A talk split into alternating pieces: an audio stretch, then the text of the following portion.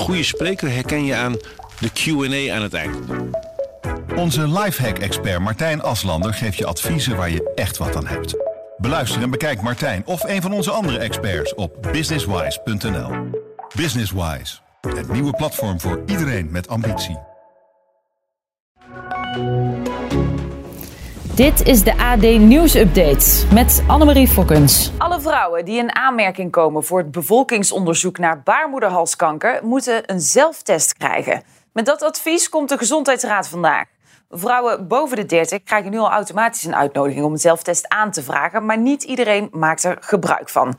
Verslaggever Marcia Nieuwenhuis. Ja, die zelftest is natuurlijk een onderdeel hè, van het bevolkingsonderzoek. Maar waarom krijgt nog niet iedereen zo'n test direct zelf thuis opgestuurd? Ja, het idee was nu dat je zo'n test kan aanvragen als je bijvoorbeeld onzeker bent of geen zin hebt om een afspraak te maken bij de huisarts of gewoon niet de behoefte hebt aan een, een dokter die daar beneden gaat kijken. En dan krijg je het in een brief als alternatief aangeboden. Maar ja, in de praktijk blijkt dat mensen daar toch niet heel vaak gebruik van maken. Sinds 2019 gaat het om 11 uh, procent. Dus mensen kiezen toch vaak voor om niet te gaan of om naar de huisarts te gaan. En het idee is nu dat door uh, het gewoon standaard mee te sturen. Dus dat je die test echt al in je hand hebt. Dat uh, mensen er daardoor vaker uh, gebruik van maken. En dat zou best kunnen, want er is al eens eerder een uh, proefonderzoek geweest. En toen zag je dat het gepresenteerd werd als gelijkwaardig alternatief. En koos 30% van de vrouwen ervoor om de zelftest te gebruiken. Dus dat is aanzienlijk meer. Oké, ja, want jij geeft al aan, hè, ze hebben er of geen zin in of ze vinden het niet prettig. Zijn dat nou de belangrijkste redenen waarom vrouwen die oproepen negeren?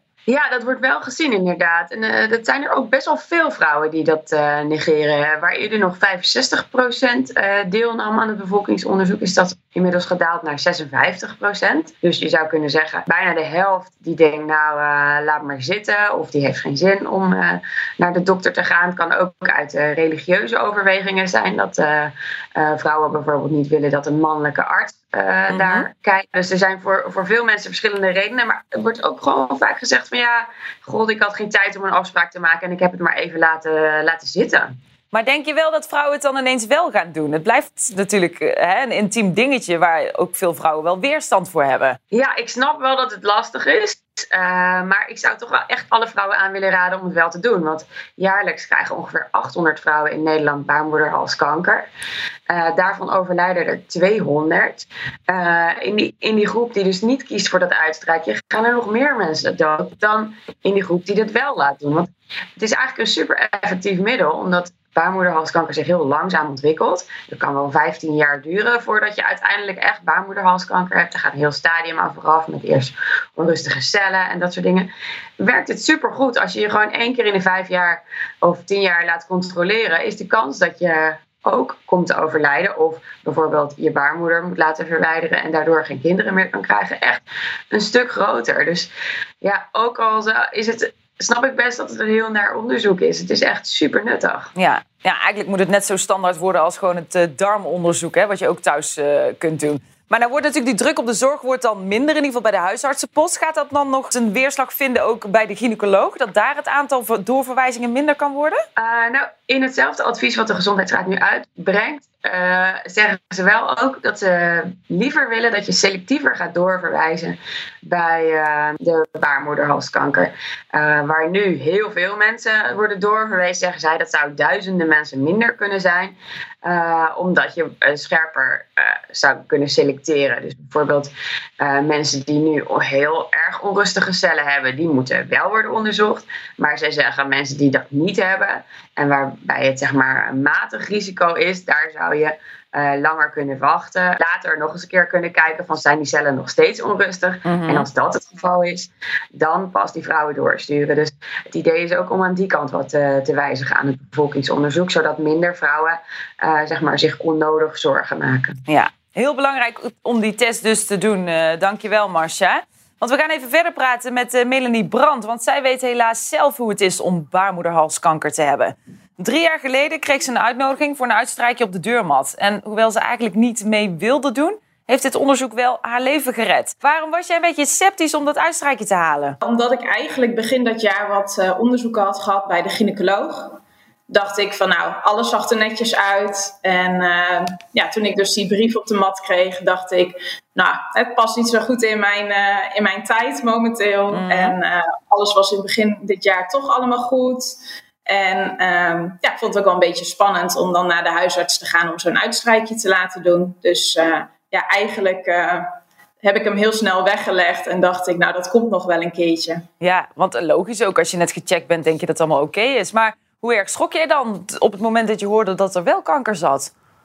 Ja, enorm. Ik vroeg me natuurlijk heel erg af uh, waar het in, uh, in, januari dat jaar misschien dan niet opgemerkt is, of waarom dat dan niet opgemerkt is. Ja. Um, dus ja, ik schrok echt enorm, want ik had natuurlijk totaal geen klachten eigenlijk. Ik had niks, niks geks wat zou duiden op dat het foute boel zou zijn. Dus ja, die klap die kwam een, enorm hard aan. Ja, want ja. Wanneer, wanneer besloot jij dan om hem toch wel te doen? Nou, eigenlijk door mijn moeder.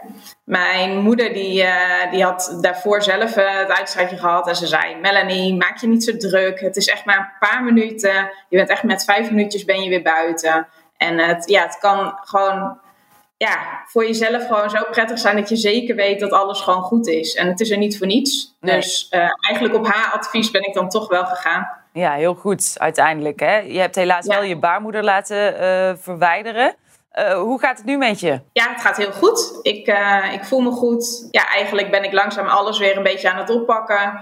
Um, ben weer een studie begonnen en uh, ik ben nu weer aan het werk. En ja, dat gaat eigenlijk heel goed. Ja. Gelukkig. Dus je bent er wat dat betreft dan nog op tijd bij geweest. Want zie jij nou Absoluut. voordelen op het moment dat het zeg maar een thuistest zou zijn? Had je hem dan makkelijker gedaan? Ja, dat weet ik eigenlijk niet. Want um, ik denk dat bij mij zelf heel erg de, de angst zou zijn van doe ik het dan wel goed? Um, weet ik zeker dat ik het allemaal doe zoals het moet? Dus ja, ik, ik ben eigenlijk uiteindelijk heel erg blij dat ik toch naar de huisarts gegaan ben en dat de assistente het gedaan heeft. Ja. Maar ik denk dat het voor heel veel mensen, ja, heel veel vrouwen toch eigenlijk wel uh, de drempel wat lager is om het eventueel gewoon eerst thuis te doen. Ja. ja. Eigenlijk is er dus maar één boodschap, hè? We moeten gewoon die test doen als vrouwen. Ja, ja er is eigenlijk gewoon uh, ja, voor iedere vrouw. Het is echt maar vijf minuten en um, het valt echt, echt heel erg mee. Ik heb me echt veel te druk gemaakt. En uiteindelijk heeft het uitstrijkje wel mijn leven gered. Ja. Nou, ik sluit me daar helemaal bij aan. Dankjewel, uh, Melanie Brandt.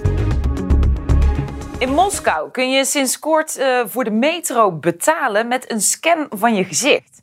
De stad is daarmee de eerste ter wereld die op die manier gezichtsherkenning gebruikt. Joost Bosman, correspondent in Rusland. Ja, het systeem heet FacePay. Hoe werkt het nou precies? Nou, het is eigenlijk heel makkelijk. Je moet de uh, app van de metro moet je downloaden. Daaraan koppel je een pasfoto, een digitale pasfoto. En dat geheel koppel je weer aan je bankpas. En dan kun je dus gewoon met je bankpas betalen. Uh, de camera op de tourniquet herkent je gezicht. En als het goed is, gaan dan ja, de, de deurtjes open. Het klinkt bijna te mooi om waar te zijn vanaf een pasfoto. Is dat niet heel erg fraudegevoelig dan? Ja, dat is natuurlijk waar de mensenrechtenorganisaties bijvoorbeeld in Rusland uh, nogal, nogal huiverig voor zijn. Hè. De, de Moskouse autoriteiten zeggen, nou het heeft alleen maar voordelen, want je hoeft geen zware koffers meer neer te zetten en, en, en je kunt zo doorlopen. Dat zal ook minder rijen opleveren, maar die mensenrechtenorganisaties die zeggen van ja, moet je eens luisteren, uh, de instituties zijn niet toegerust om privacywetgeving uh, te, te, te, garanderen, zeg maar. Mhm. De, de privacy te garanderen van de burgers.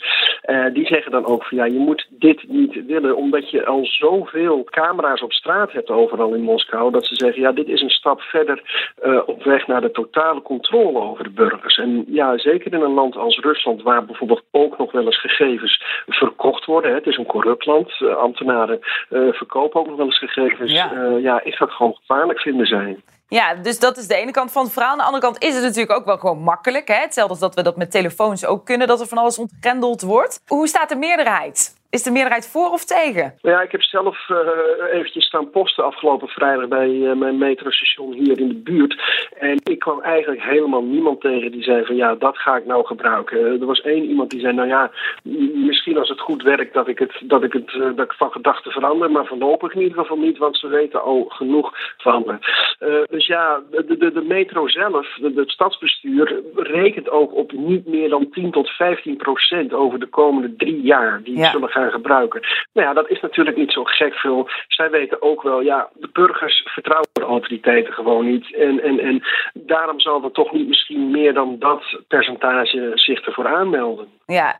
ja, of is het een kwestie van gewoon weer wennen aan de technologie? Als we tien jaar geleden te horen kregen dat je een telefoon kon ontgrendelen met je gezicht of kon betalen met je, met je horloge. Dan dachten we natuurlijk ook dat dat niet zou kunnen. Is het niet weer een kwestie van wennen, zodat we het uiteindelijk toch gaan opnemen in de maatschappij? Nou, dat zou voor een deel kunnen. Maar wat ik zei, de, de, de Russen hebben van oudsher, al vanuit de Sovjet-tijd, een, een groot wantrouwen tegen de autoriteiten. En vergis je niet, er hangen bijna 200.000 camera's al in Moskou met gezichtsherkenning. Dat is uh, begonnen in 2017, uh, in de aanloop naar het wereldkampioenschap in 2018. Dus de Russen weten al, we worden van alle kanten al bekeken. Ja. En die zullen dit eigenlijk mogelijk niet uh, er ook nog bij willen hebben. Want verwacht jij hier dan een, een grove reactie op? Nou nee, dat niet. Uh, wat, kan er gebeuren? Uh, en de, de, autoriteiten spiegelen het ook voor als iets heel moois, iets heel handigs. En, en dat is het voor een deel ook wel.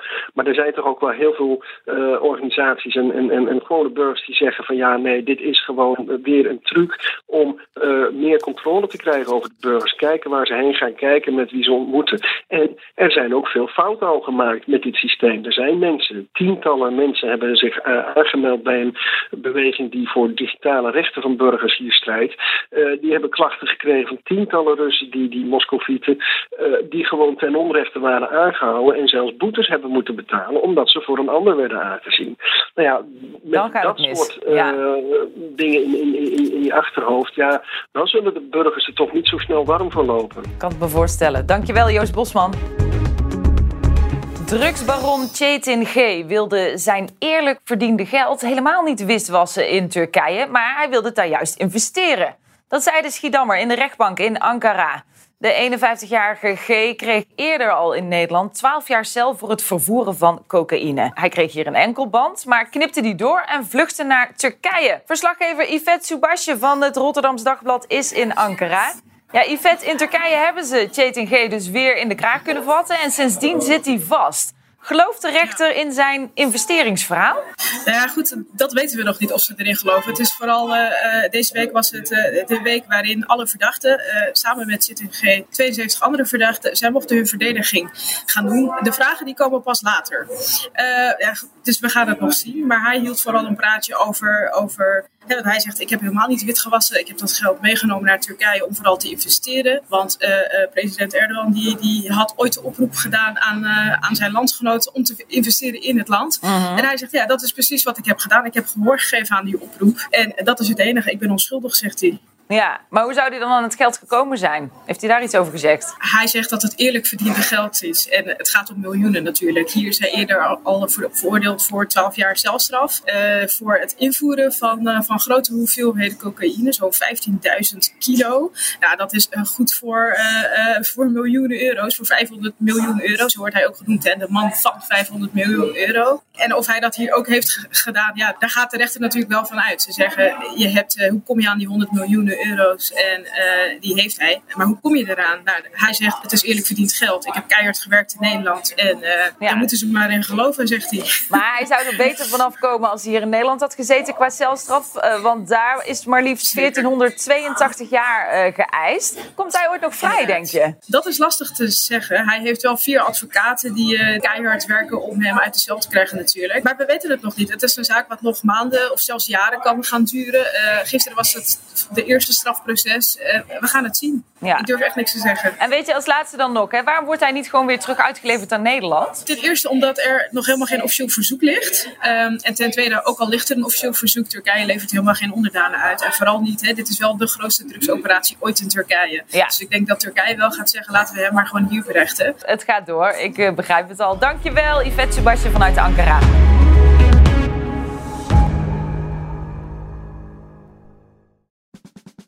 Luister ook naar onze podcast Politiek Dichtbij. In een half uur praten we hierbij over de stand van zaken op het Binnenhof. En niet alleen vanuit de wandelgangen in Den Haag, maar ook vanuit een regionaal perspectief. We zijn te vinden in onze app, op Apple Podcast en op Spotify. En wie zijn wij dan? Wij zijn Leonard Beekman en Tobias den Hartog. Mensen luisteren niet naar wat je zegt, maar kopiëren wat je doet. Onze vitaliteitsexpert Martin Hersman helpt je te focussen op wat echt belangrijk is. Beluister en bekijk Martin of een van onze andere experts op businesswise.nl. Businesswise, het nieuwe platform voor iedereen met ambitie.